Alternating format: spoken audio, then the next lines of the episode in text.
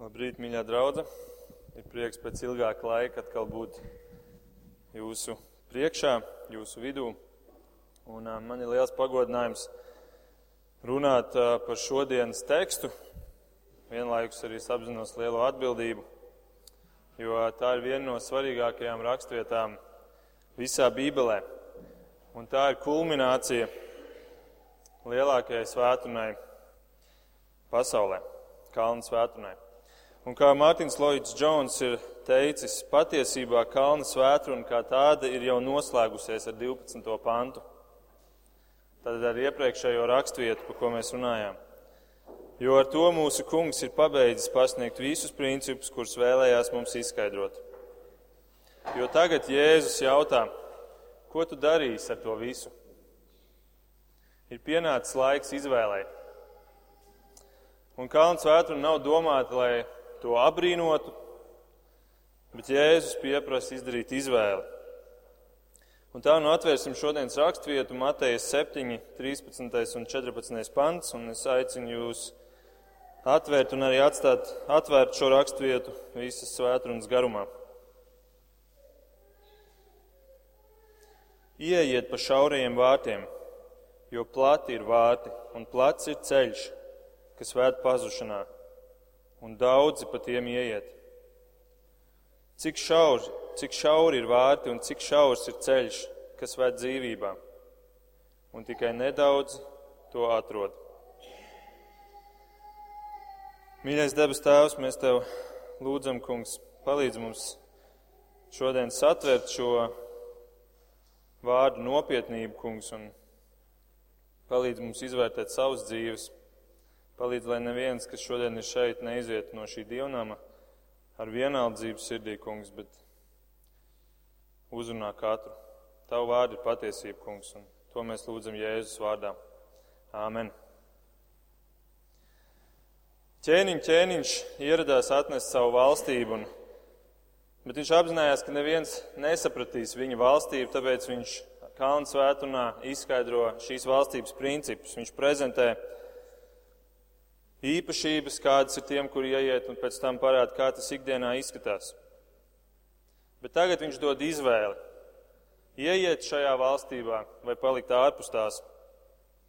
Un mūsu dzīve sastāv no daudzām mazām un lielām izvēlēm, bet no visām izvēlēm šī ir pati pati lielākā. Un tādēļ Dievs jau par to runā vecajā derībā, piemēram, 5. mūzus 30, 19. Viņš saka, Es šodien piesaucu debesis un zemi kā liecinieks pret jums, ka liek jūsu priekšā dzīvību un nāvi, svētību un lāstu. Tad nu izvēlies dzīvību, kad dzīvot gan tu, gan tavu pēcnācēji. Vai Jeremija 21.8. Bet tautai šeit saki, tā saka tas kungs. Redzi, es lieku jums priekšā izvēlēties dzīvības vai nāves ceļu Vai arī pirmā ķēniņa 18.21. Cik ilgi jūs klibosiet uz abām pusēm? Ja tas kungs ir Dievs, tad sekojiet viņam, bet ja bāls ir Dievs, tad sekojiet tam. Izvēle. Un šodien mēs esam nonākuši krustojumā, mēs varam teikt Kristus krustojumā, un izvēle ir ļoti skaidra. Ir tikai divas opcijas. Ir tikai divi virzieni, citu alternatīvu nav. Mums patīk dalīt reliģijas pa grupām, pa līmeņiem, pa konfesijām.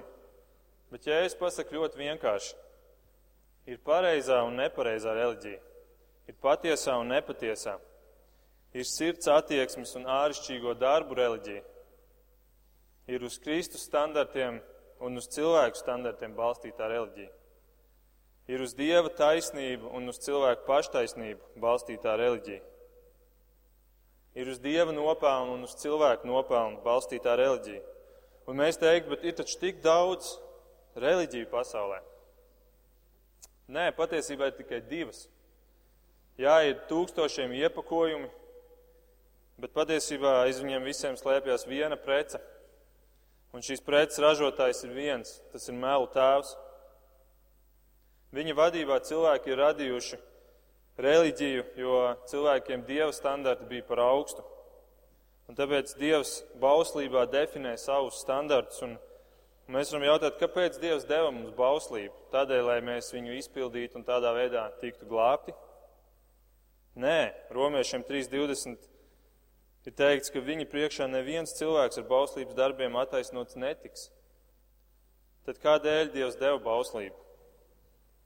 Tā paša panta turpinājumā Pāvils pasaka, jo caur bauslību nāk apziņa par grēku. Tātad patiesībā bauslība ir tāds kā termometrs. Un ko dara termometrs? Vai viņš tevi dziedina, ka tu viņu lieto?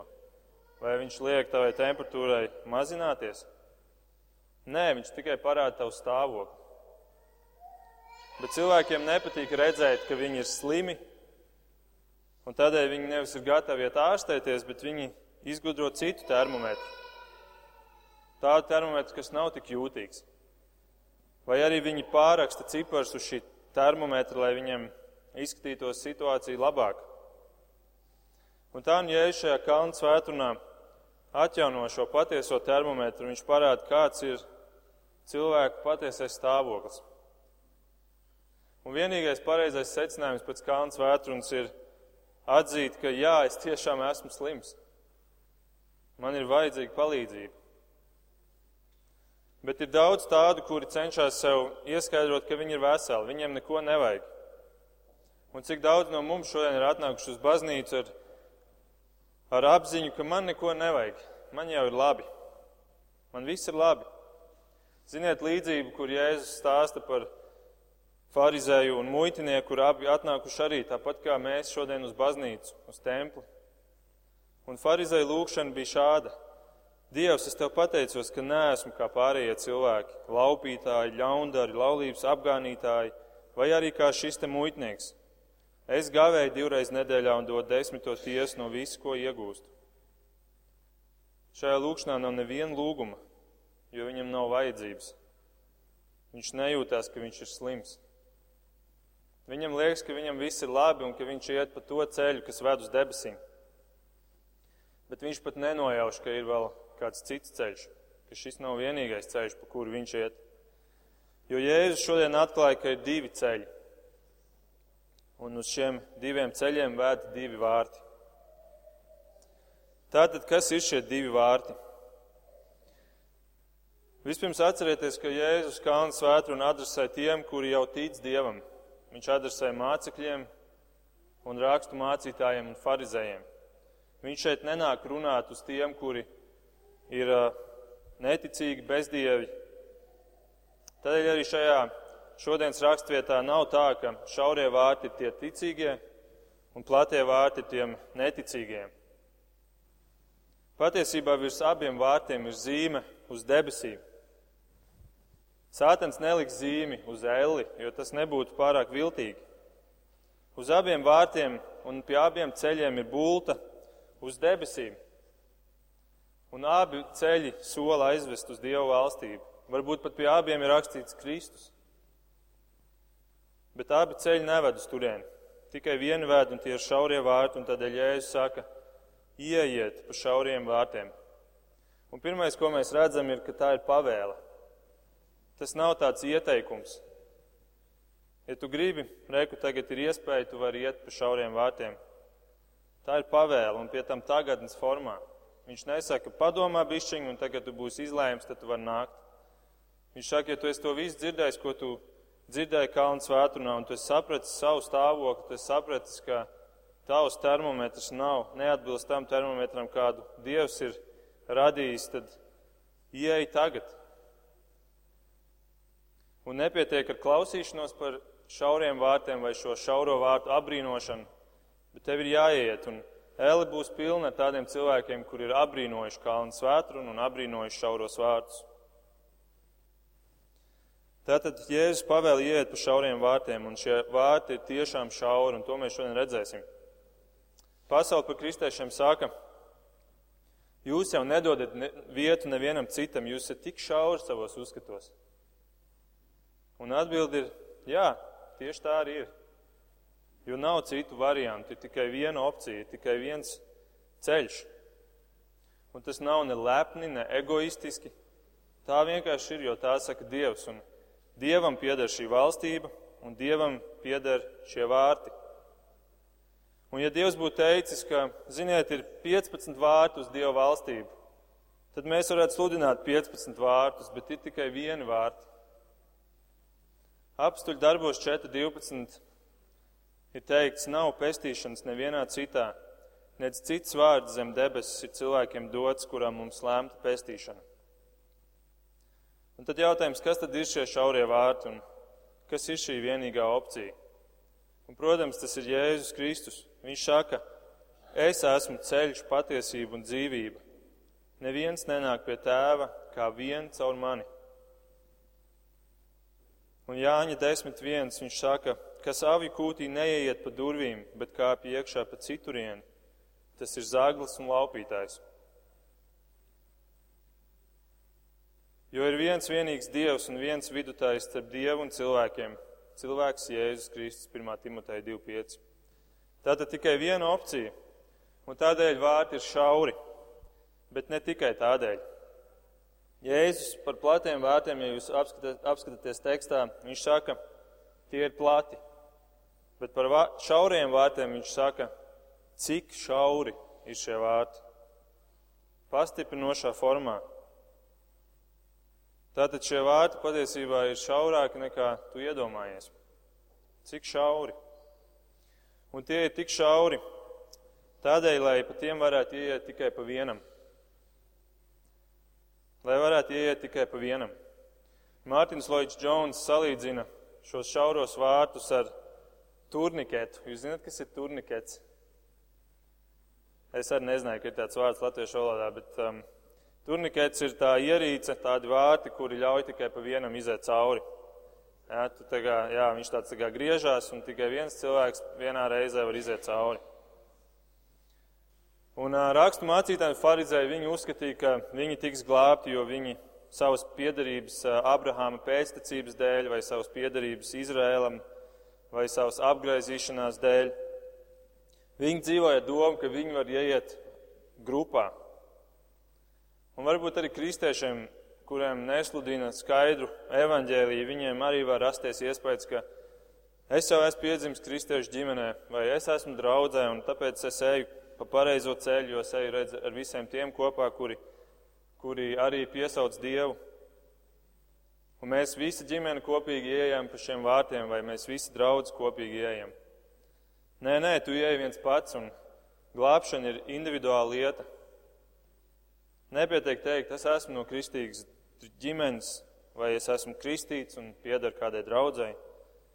Tu neieej grupā, bet tu ieej viens pats. Un, un patiesībā mums ir jāiet vēl viens soli tālāk. Tev ir jāiet pa šauriem vārtiem, tev ir jāiet vienam, un tev ir jāiet ar lielām grūtībām. Tev ir jāiet ar lielām grūtībām. Šodienas evaņģēliju mēģina pasniegt tādā vieglā veidā. Tikai tici, iznāc priekšā, ielaid jēzu savā sirdī, noskaiti to lūgšanu un tarā tu esi kristietis. Protams, pārspīlēju, bet, bet tā patiesībā notiek daudz kur, un to sauc par lēto žēlastību. Un tā ir tā evaņģēlistu pieeja. Tu aizbrauc uz vienu vietu un tu nosludini, tu aicini cilvēkus priekšā, un tad viņi dzīvo ar apziņu, ka viņi ir reiz spēruši šo soli. Un mēs esam padarījuši šo evaņģēlīju tik vieglu, bet ir problēma, ka šie cilvēki beigās nav uz pareizā ceļa, jo viņi nav iegājuši pa šauriem vārtiem.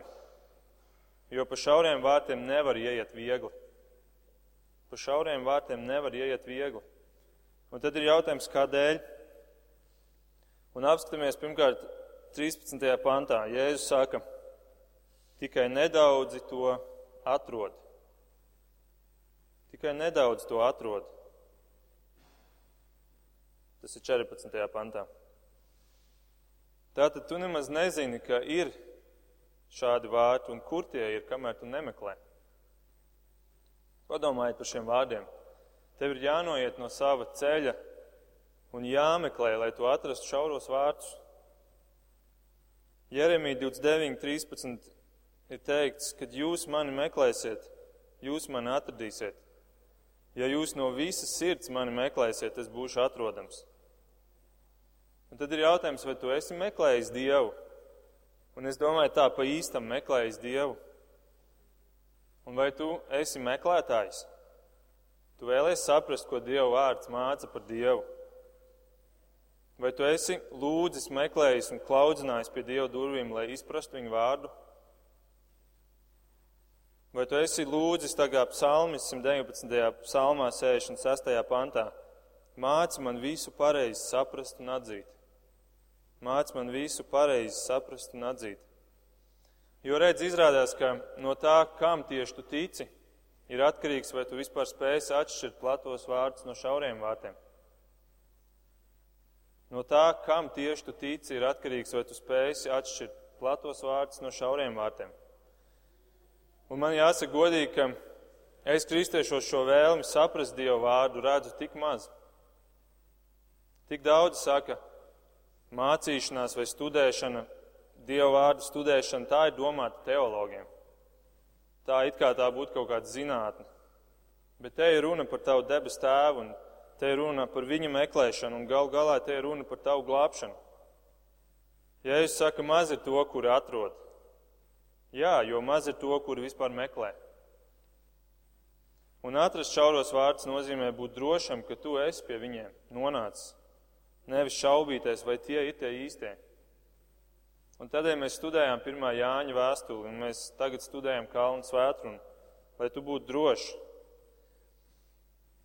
Tā tad ir grūti iet pa šauriem vārtiem, jo ir grūti atrast.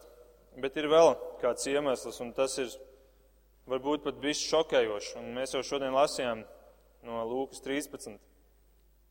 Tur Jēzus iet un pūlis iet aiz viņa, un kāds no iespējams Jēzus mācekļiem viņš pieiet, viņš iet līdzi, un viņš redz, cik maz cilvēku atsaucās šai, šai vēstī.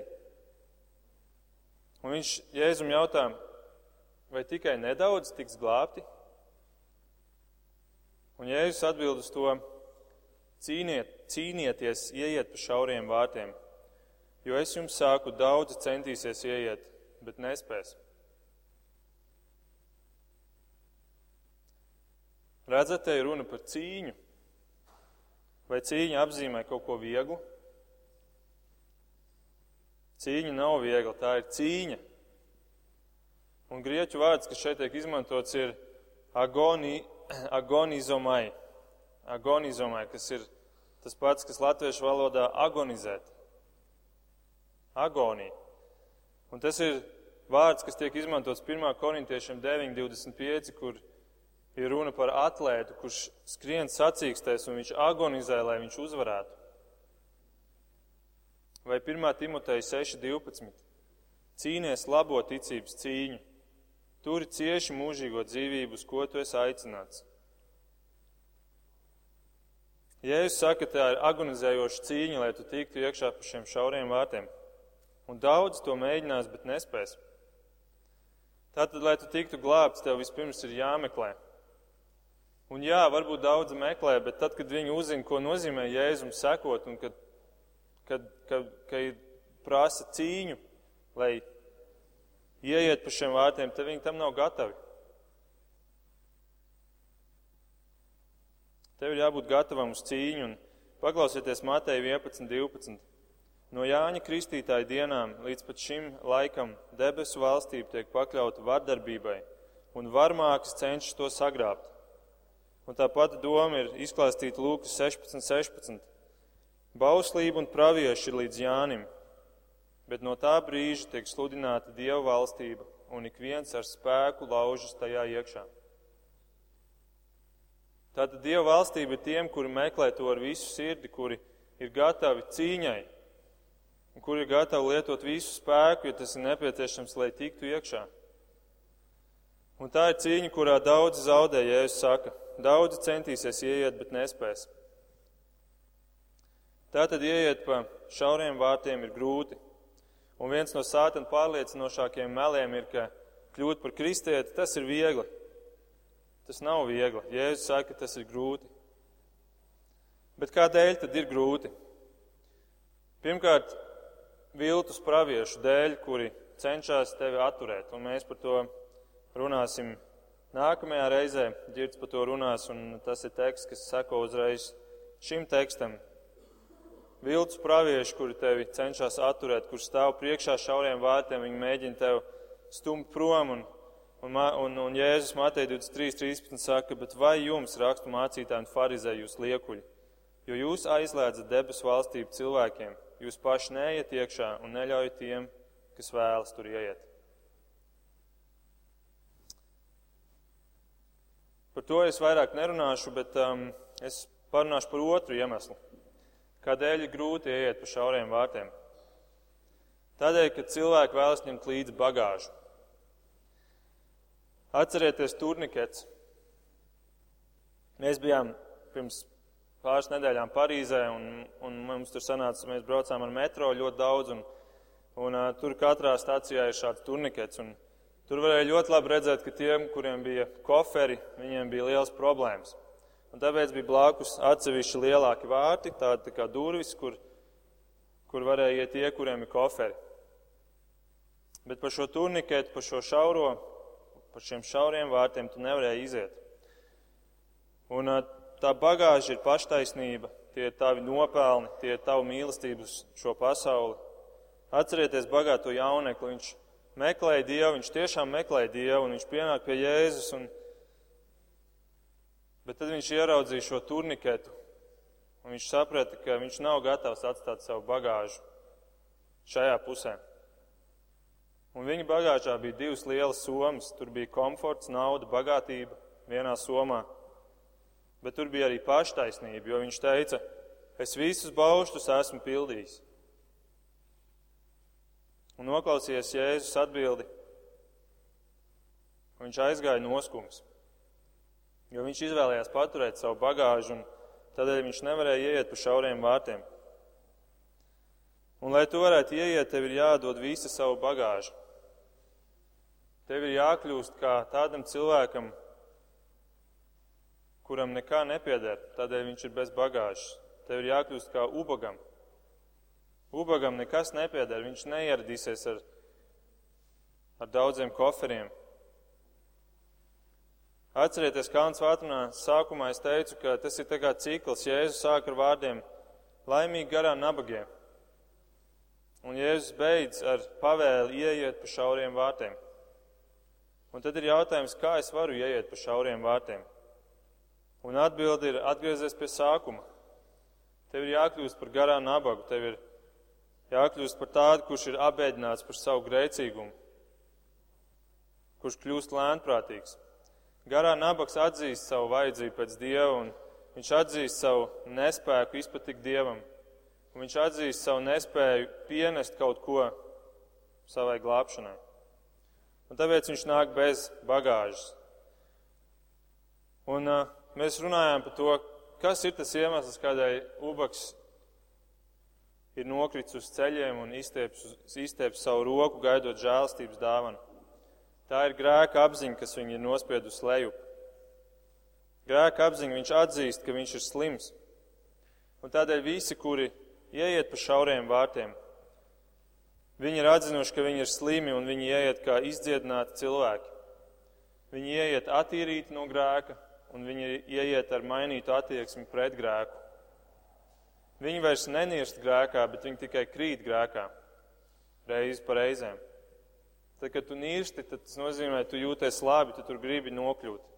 Bet tad, kad tu iekrīti, tu uzreiz raujies augšā, lai, lai tiktu tālāk.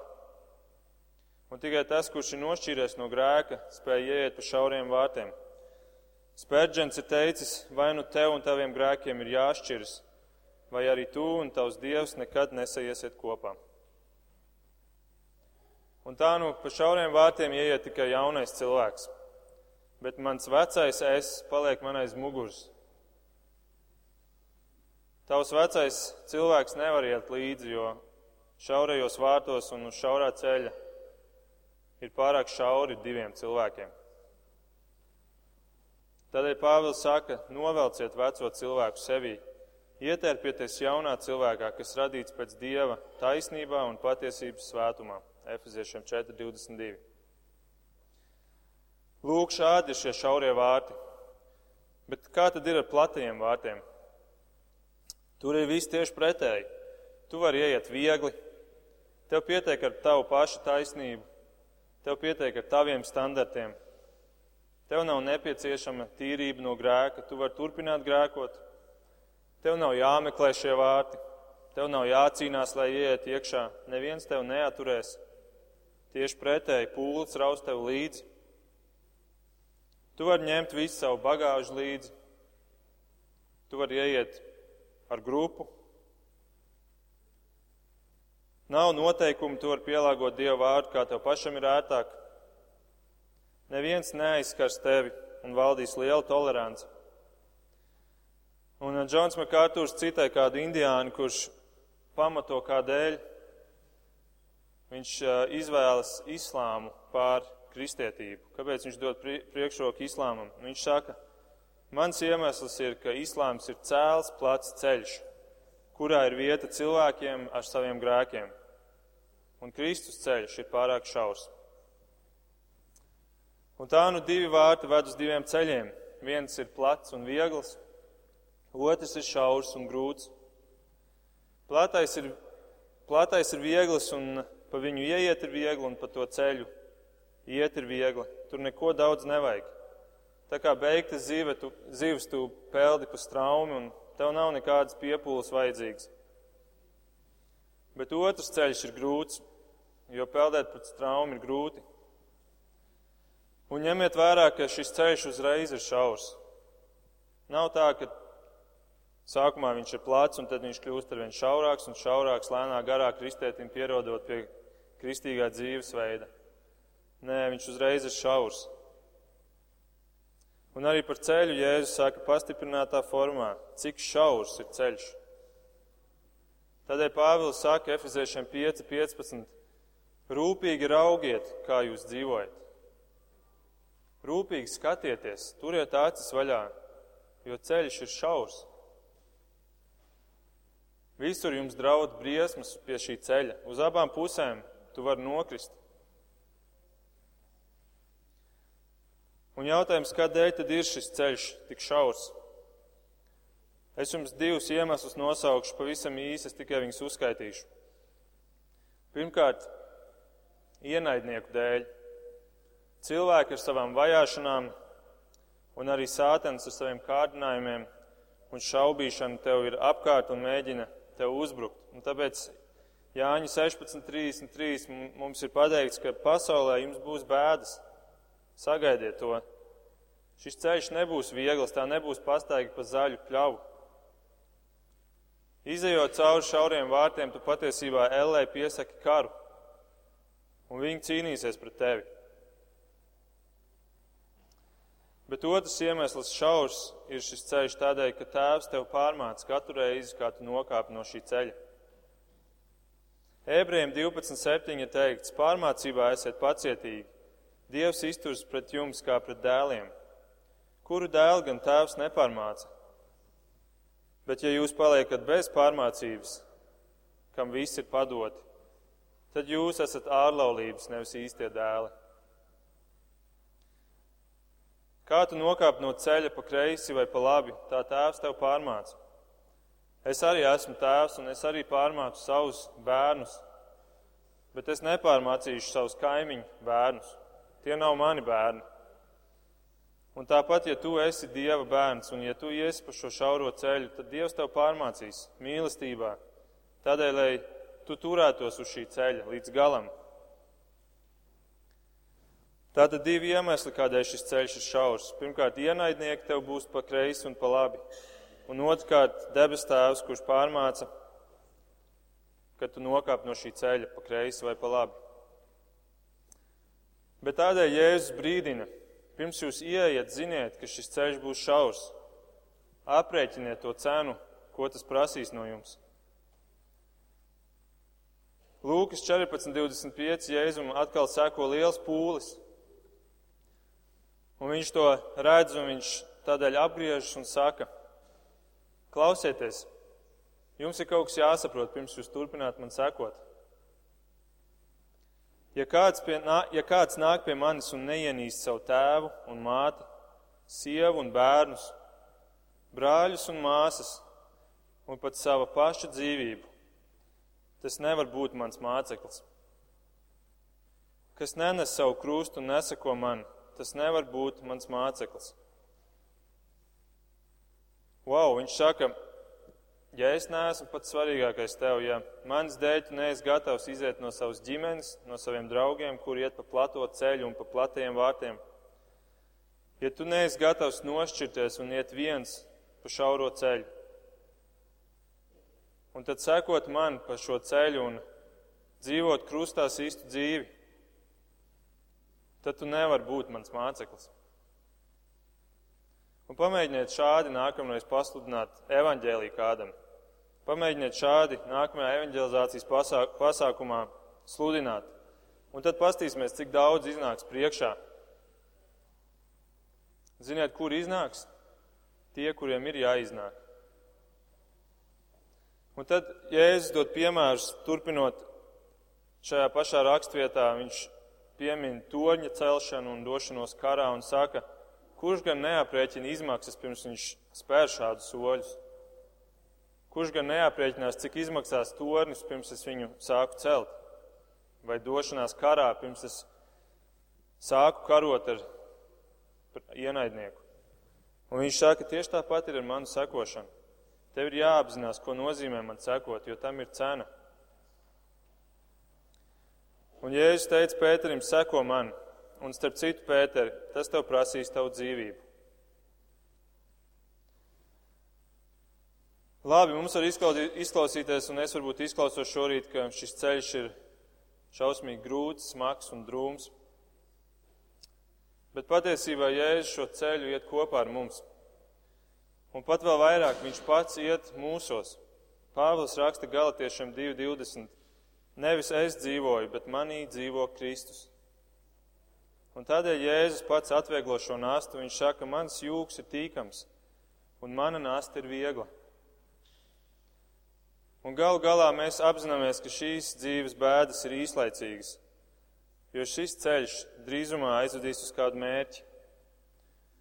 Un tā nu noslēdzot divi vārti, divi ceļi un divi galamērķi. Vārti ir plati un ceļš ir plats, kas aizved uz kurieni? Uz pazušanu. Un sakām vārdos ir teikts, ka dažam cilvēkam kāds ceļš iesākumā visai patīk. Un, protams, viņam viņš patīk, jo tas ir ērts un plats un viegls. Bet beigu beigās tas viņu tomēr noved nāvēm. Un kāds šoks tas būs tik daudziem cilvēkiem? Tu domā, ka tu ej uz debesīm, jo taču uz tava ceļa bija rakstīts Dievs, Jēzus. Bet beigās ir pazušana un nāve. Un ziniet, šos pašus daudzos, kuri ir iegājuši pa platajiem vārtiem un iet pa plato ceļu, mēs satiksim vēlreiz šajā nodaļā. Dažus pantus tālāk, paskatieties 22. pantu. Daudzi tajā dienā man sacīs, kungs, kungs, vai mēs tavā vārdā nepravietojām, neizdzinām dēmonus, daudz brīnumainus darbus nedarījām. Un tad es tiem apliecināšu, es jūs nekad neesmu pazinis, nos no manis jūs ļauna darītāji. Un Lūks evaņģēlijā, ko ģirds ievadā lasīja, tur ir vēl teikts, ka viņi klauvēs pie durvīm un Jēzus viņiem atteiks, es jūs nepazīstu. Vai ir kas vēl briesmīgāks nekā cilvēkam, kurš domā, ka viņš ir glābts, saņemt šādu atbildi, pie durvīm klauvēt un tomēr tikt atraidītam. Bet tāda ir šodienas izvēle, un neizdarīt izvēli ir arī izdarīt izvēli. Bet šaurais ceļš, uz kurien tas ved? Tas ved uz dzīvību, tas ved uz Dievu valstību tas ved uz mājām. Uz mājām, jo ja tu esi garā nabaks, tad tu dodies uz vietu, kura tev jau pieder. Atcerieties, ko Jēzus teica, laimīgi garā nabagie, jo viņiem pieder, viņiem jau pieder debesu valstība. Un tā nu tev nav jāiet ar bailēm, tev nav jāiet ar bailēm, ka tevi neielaidīs, ka tev būs jāklauvē. Jo tev patiesībā nemaz nebūs jāklauvē. Jo tu ej ar Kristu sevī. Un Kristum ir atslēga. Atklāsmes grāmata 3.7. Tā saka svētais, patiesais, kam pieder Dāvida atslēga, kas atver un neviens neaizslēgs, un kas aizslēdz un neviens neatvērs. Lūksim Dievu!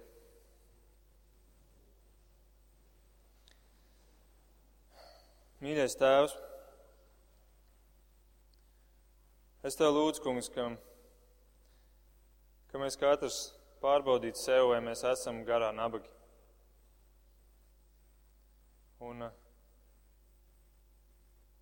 tikai kā garā nabaga kungs mēs varam redzēt šos šauros vārdus un palīdz, ka mēs pārbaudītu, vai mēs katrs redzam tos divus vārdus, kungs, vai mēs redzam abus vārdus, jo ja mēs neredzam abus, tad iespējams mēs redzam tikai platos, kungs. Un, Palīdz, ka mēs to pārbaudītu, kungs, ka mēs ietu arī ar pārliecību dzīvē, kungs, ka mēs saprotam, kādi ir šie abi vārti. Tā, lai mēs vienmēr varam būt droši, kungs, ka mēs ejam pa pareizo ceļu. Lūdzu, svētī mūsu to, kungs. To mēs lūdzam Jēzus vārdā. Āmen.